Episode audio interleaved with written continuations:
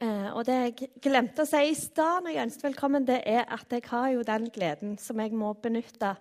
Akkurat nå det er ikke ofte det skjer, men at jeg får lov å si at jeg for tiden er fungerende hovedpastor.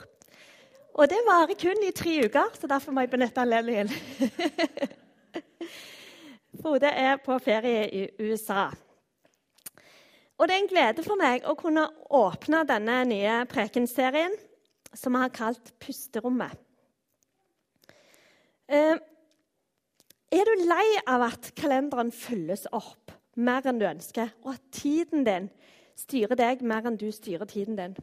Er du stressa av at økonomien din er pressa, at det går mer penger ut enn det kommer inn? Opplever du at du ikke har tid til de viktige relasjonene, de som betyr mest?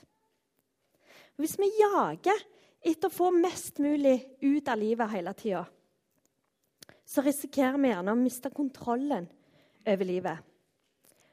Og det kan føre til at jakten på progresjon og velstand blir bytta ut med freden og roen. Hvis du kjenner deg igjen i noe av dette, så bli med oss i denne pusteromsserien. Der vi skal se på hvordan vi kan skape litt pusterom i de forskjellige områdene i livet. Stress ned. Det handler om puste med magen. De fleste tror jeg kjenner på dette med stress, enten i forhold til tida di, eller hvordan pengene skal strekke til, eller hvordan du prioriterer de viktige tingene i livet. Og Vi skal se på disse temaene de neste søndagene. I dag er det stress ned. Eh, og neste søndag skal vi se på pusterommet i forhold til tida di. Eh, og så kommer Eli Stølsvik den 6. juli og skal tale om pusterom i forhold til tida di med Jesus. Og så 13. juli så er det pusterom i forhold til økonomien din. Og så er Frode tilbake igjen den 27. Eh, juli og skal tale om pusterom i forhold til relasjonene dine. Og det vi ser, er at Gud taler inn i disse områdene, i disse temaene i livet. Og det handler om nettopp å senke skuldrene og puste. Mange foreldre de kjører ungene sine fra aktivitet til aktivitet uten å egentlig føle at de får kvalitetstid med ungene sine. Og Sånn kan det bli utrolig stressende både for ungene og for foreldrene. Og Mange har gjerne jobber der det krever at du hele veien er i forbedring. Du skal stadig forbedre deg og oppnå bedre eh, Bedre Nå mista jeg ordet på det. Resultater. Eh, og bli stadig dyktigere. Eh, der du hele veien må eh, skjerpe deg og bli dyktigere og bedre og mer effektive. Og Flere av oss har gjerne gjeld og ser at det kommer regninger som blir liggende. Og vi blir gjerne holdt våkne om nettene av en sånn gnagende uro om hvordan skal vi få betalt disse regningene når økonomien vår er så stram som den er. Kanskje gjelder dette siste spesielt menn. Jeg tror i hvert fall hjemme hos oss at det er en større problemstilling for Alexander, dette med økonomien, enn eh, for meg. Menn kjenner kanskje mer på det der forsørgeransvaret. Og så er vi inne på Facebook og Instagram, noen av oss, og så ser vi de eh, fantastiske, idylliske bildene av eh, folk som har kvalitetstid med barna sine, date med mannen, kafétur med venninner. Så ser det så flott ut. Og så får det oss gjerne til å føle oss enda mer mislykka, som ikke klarer å prioritere de rette og viktige relasjonene. Og Mange ganger kan det kjennes som om alt bare er rot. Noen av oss har gjerne kjellere fulle av rot. Baksetet i bilen gjerne fullt av rot. Og ikke minst klesskapet er fullt av rot. Se inn i dette klesskapet. Noen vil på en måte nå sitte og vri seg i stolen hele gudstjenesten av å se på det rotet der. Mens andre av oss, meg sjøl inkludert, er mer sånn Hva da, det skapet? Hva? Er det noe spesielt med det? Så ser vi jo da, det er fullt med rot og uoversiktlig. Og når du har et sånt et klesskap, så aner du til slutt ikke hva som er der inni, eller om du har det du trenger der inni. Det tyter heller ut, sånn som vi ser her, av rot. Og noen av oss som sagt forstår ikke helt problemet. Eh, for jeg òg er en sånn person som kan eh, lett ha det rotete rundt meg, men jobbe like godt for det. Mens andre må liksom rydde opp og ha det helt ordentlig eh, for at de skal klare å, å, gjøre en jobb. Alexander er en av de som trenger å rydde både pulten og rommet og gjerne hele huset før en klarer å sette seg ned og gjøre noe eh, jobbmessig eller andre ting. Eh, og sånn er vi forskjellige. Og én ting er at skapet vårt eller kjelleren eller huset eller hva det måtte være, ser sånn ut. Det er for så vidt greit, men det er ikke greit at livene våre ser sånn ut. At kalenderen vår ser sånn ut. At relasjonene våre, tida vår, økonomien vår ser sånn ut. Og til syvende og sist så vil vi nok alle være enige i at livet er bedre sånn som det, med orden. Jeg skal sette en liten sånn hjelpemiddel her for å holde døra oppe. Sånn. Og Når det gjelder ordet pusterom, så har jeg bare lyst til å gi en liten sånn definisjon på hva, hva mener vi med pusterom egentlig. Jo, jeg tror det er altså rommet eller avstanden mellom det tempoet vi kjører, og grensene våre. Og Noen har stor kapasitet og kan gjøre masse, men alle har grenser. Og Hvis du hele veien lever på grensa, så mister du til slutt livsgleden. For det som skjer hvis vi lever sånn på grensa hele tida, uten pusterom, så går stressnivået opp. Du kjenner, du sitter i bilen og du kjenner at det, um, det er kø gjerne pga. veiarbeid eller andre. Og køen står helt stille, og du merker hvordan bare stressnivået stiger, og tida di renner ut. Stresset tar deg helt. Eller kanskje ektefellen din bare måtte snakke med deg, eh, og du har dårlig tid. Eller du Ja. Det kommer noen regninger inn så du bare ikke aner hvordan du skal få betalt. Og så stiger stressnivået vårt.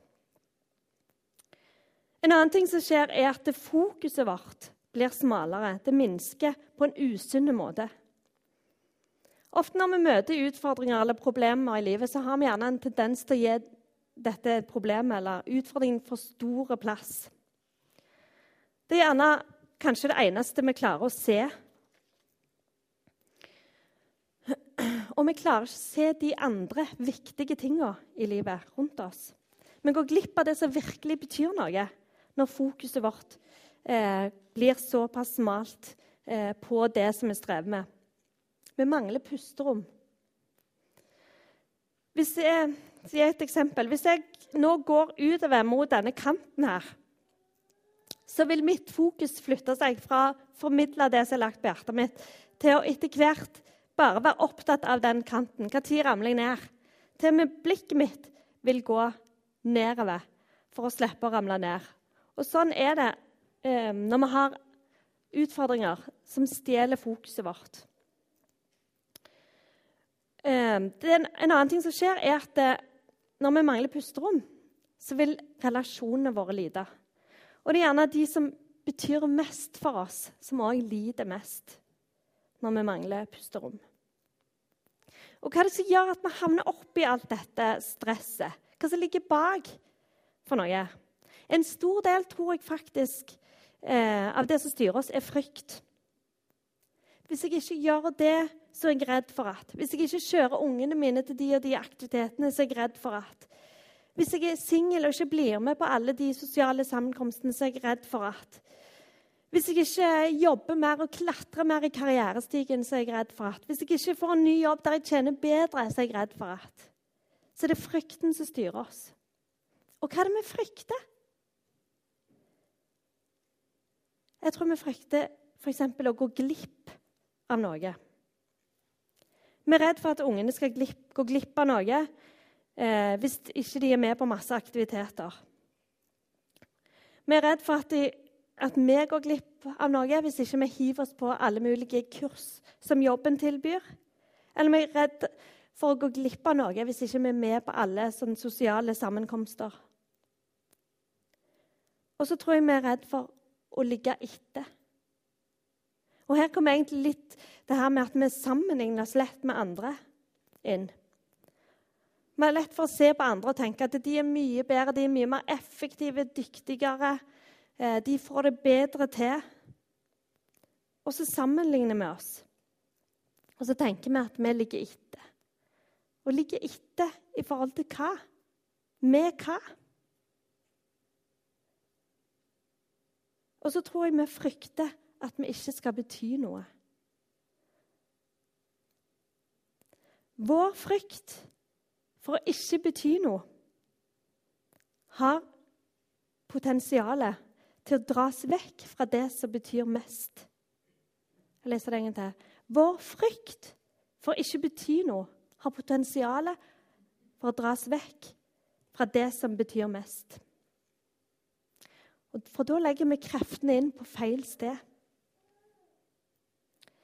Det fantastiske er at Gud taler inn i dette temaet. Ikke som ordet, med ordet 'pusterom'. Det ser vi ikke i Bibelen. Men vi ser i både Gamle og Nye testamentet hvordan Gud stadig har en sånn konversasjon mellom seg og sitt folk om eh, kontrasten mellom tro og frykt. Og du er selvfølgelig eh, fri til å ha skapet ditt rotete, sånn som det, eller kjelleren din eller bilen eller hva, hva det måtte være. Men hvis det rotete skapet representerer ditt liv, så er det ikke plass til mer. Så er det ikke plass til de du virkelig er glad i, og de som betyr noe for deg, som du bryr deg om. Det er ikke plass for de viktige tingene. Så det er ikke greit. Og dette kan til syvende og sist bli et trosspørsmål. For det handler om hvor mye stoler jeg på at Gud bryr seg om meg som en egen person.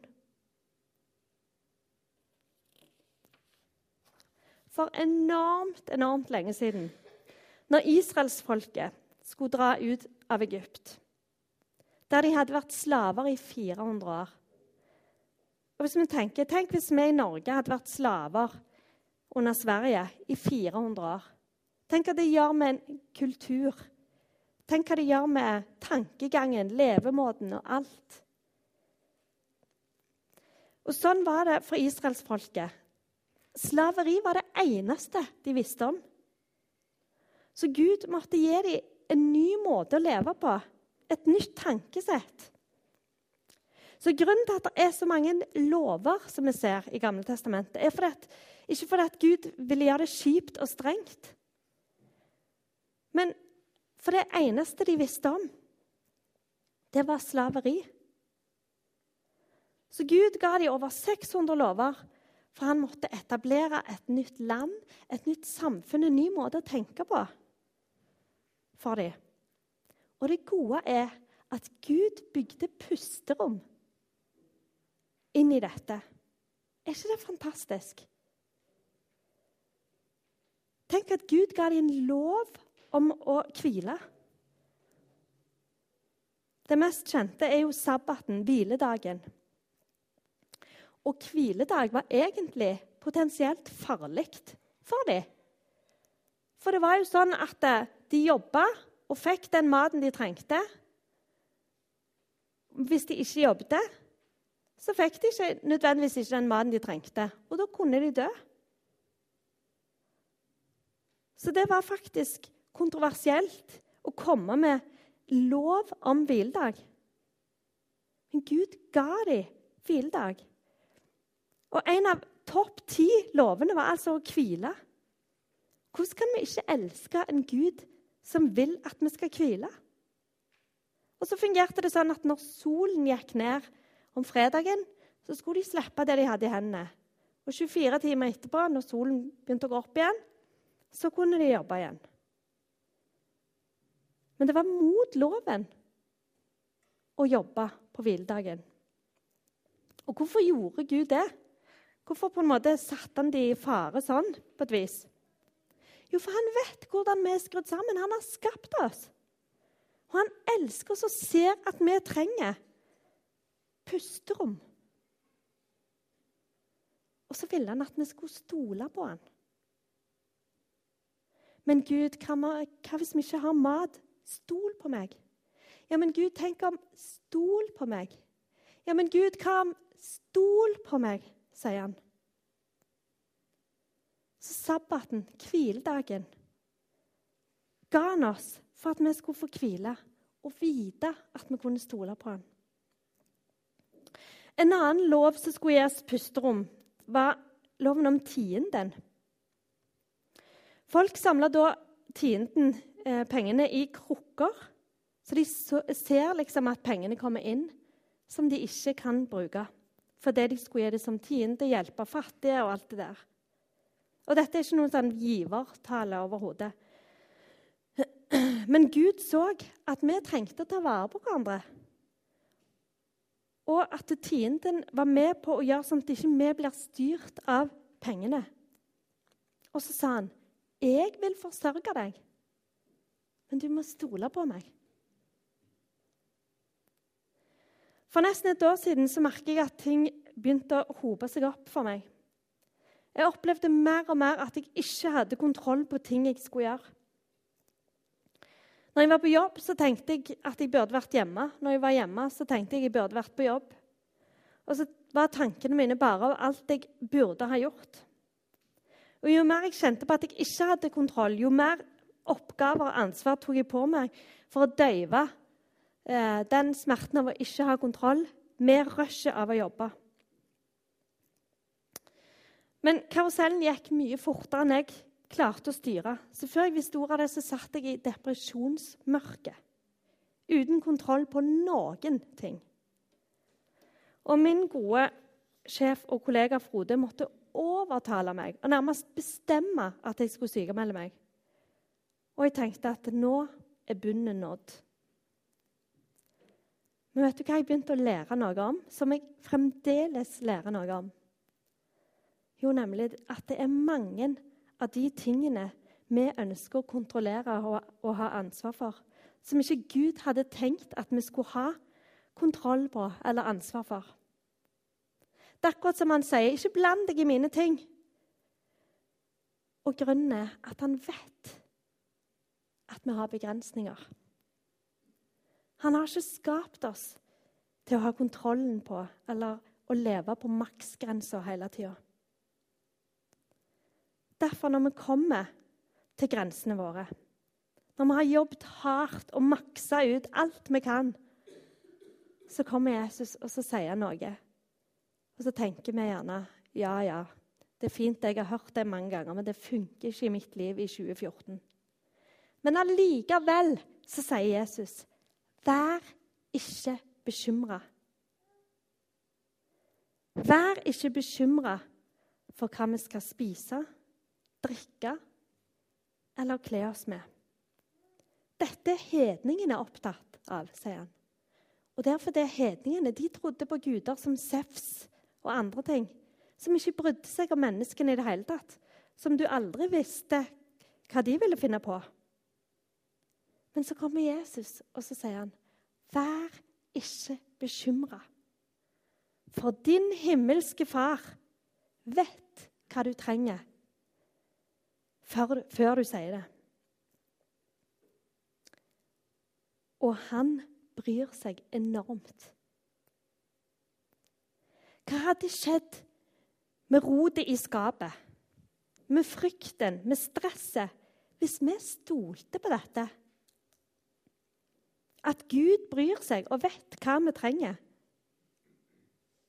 Da tror jeg vi hadde hatt pusterom. Kanskje vi hadde stått opp om morgenen og pusta og sagt Gud, led meg gjennom denne dagen. Tenk så deilig å bare sluppe bekymringene hos Gud, som sier at han vil ha dem. Så står det Søk først Guds rike og hans rettferdighet, så skal dere få alt det andre i tillegg. Gud vil at vi skal stole på det. Og Han sier ikke dette for at det skal høres eller se fint ut i Bibelen. Men det er fordi han mener det. Noe eller noen vil bestemme dine grenser og dra deg til grensene dine. Og da lever du ikke, da blir du levd. Det fins menn som ikke hadde tid til kona si før hun dro. Og hvis de kunne, ville de helt sikkert brukt alle disse timene de har brukt på å prøve å redde ekteskapet, til heller å investere i ekteskapet, så de slapp å miste det eller kjempe for å redde det. Og jeg tror det er foreldre som har investert alt de hadde i karriere, gjerne, og ikke hatt nok tid med ungene. Så har de gjerne mista helt kontrollen på ungene. Og måtte bruke timer ut og timer inn på å redde dem fra, kanskje fra rus eller spiseforstyrrelser eller andre ting. De ville nok gitt hva det måtte være for å få tilbake relasjonen og kontakten med ungene sine. Og gitt av de timene de ikke trodde de hadde. Fordi kalenderen så så full ut. Så sånn som det ut. så ville de brukt de timene til heller investere i ungene mens de kunne. For det vi ser når ting begynner å rase sammen, det er at vi har de timene som trengs. Da bruker vi alt vi har av tid og krefter på å prøve å redde. Og jeg tror Hvis vi spør mennesker som er over 60 år, f.eks., så tror jeg en del av dem ville sagt at hvis de var 30 eller 40 eller 20, kanskje, så ville de holdt igjen litt på denne progresjonen og velstanden for heller å oppleve litt mer fred. Pusterom. For det de gjerne bytta ut freden sin med, var kanskje ikke verdt det. Og du er gjerne i 20-30-40-åra og fremdeles mulighet til å ta tak i dette og etablere pusterom i hverdagen din. Og selvfølgelig er det aldri for seint. En kan alltid, uansett alder, gjøre noe med dette. Så jeg spør hvor trenger du pusterom? Og Tenk over dette. Kan det være en sammenheng mellom vårt behov for å presse grensene på alle områder og vår famlende eller kanskje manglende tro og tillit til Gud? For hva om du hadde tillit til at din himmelske far visste hva du trengte, og ville gi deg det? uten at du pressa deg til vanvidd. Tenk på det. Hvordan hadde livet ditt sett ut da? Gud vil nemlig at vi skal leve med pusterom sammen med han, så han kan få lede oss. Gi oss av alt det gode han har å gi oss. Å få leve sånn at vi kjenner hans gode fred i hverdagen. Og få være den han skapte oss til å være. Han vil oss alt det beste, og han ser at vi trenger pusterom. Skal vi be. Himmelske Far, jeg priser deg, og jeg takker deg for at du er så ufattelig god. Du er kjærlighet, og du vil oss vel. Takk at de topp ti lovene som du ga israelsfolket, så var det å få lov å hvile. Og ta det med ro.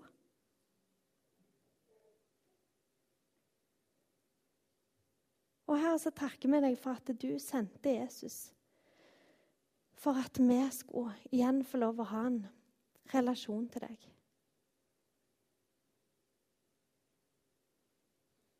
Sånn at eh, alt det ikke vi takla og klarte, Herre, det tok Jesus på seg. For at vi skulle ha frihet, for at vi skulle ha glede. For at vi skal få lov å ha denne nydelige relasjonen med deg.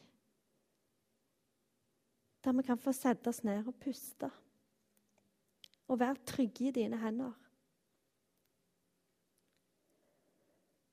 Takk, Herre, for at du sier i Bibelen at du har fredstanker for oss, og ikke ulykkestanker. At du vil gi oss framtid og håp.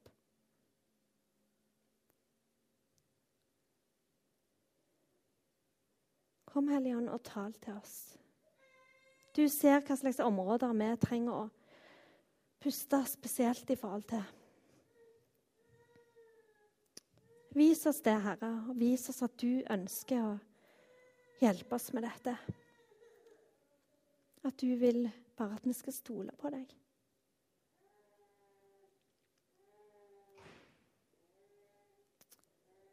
Velsign oss i dag, Herre. Vær med oss i dag. Ber i Jesu navn. Amen.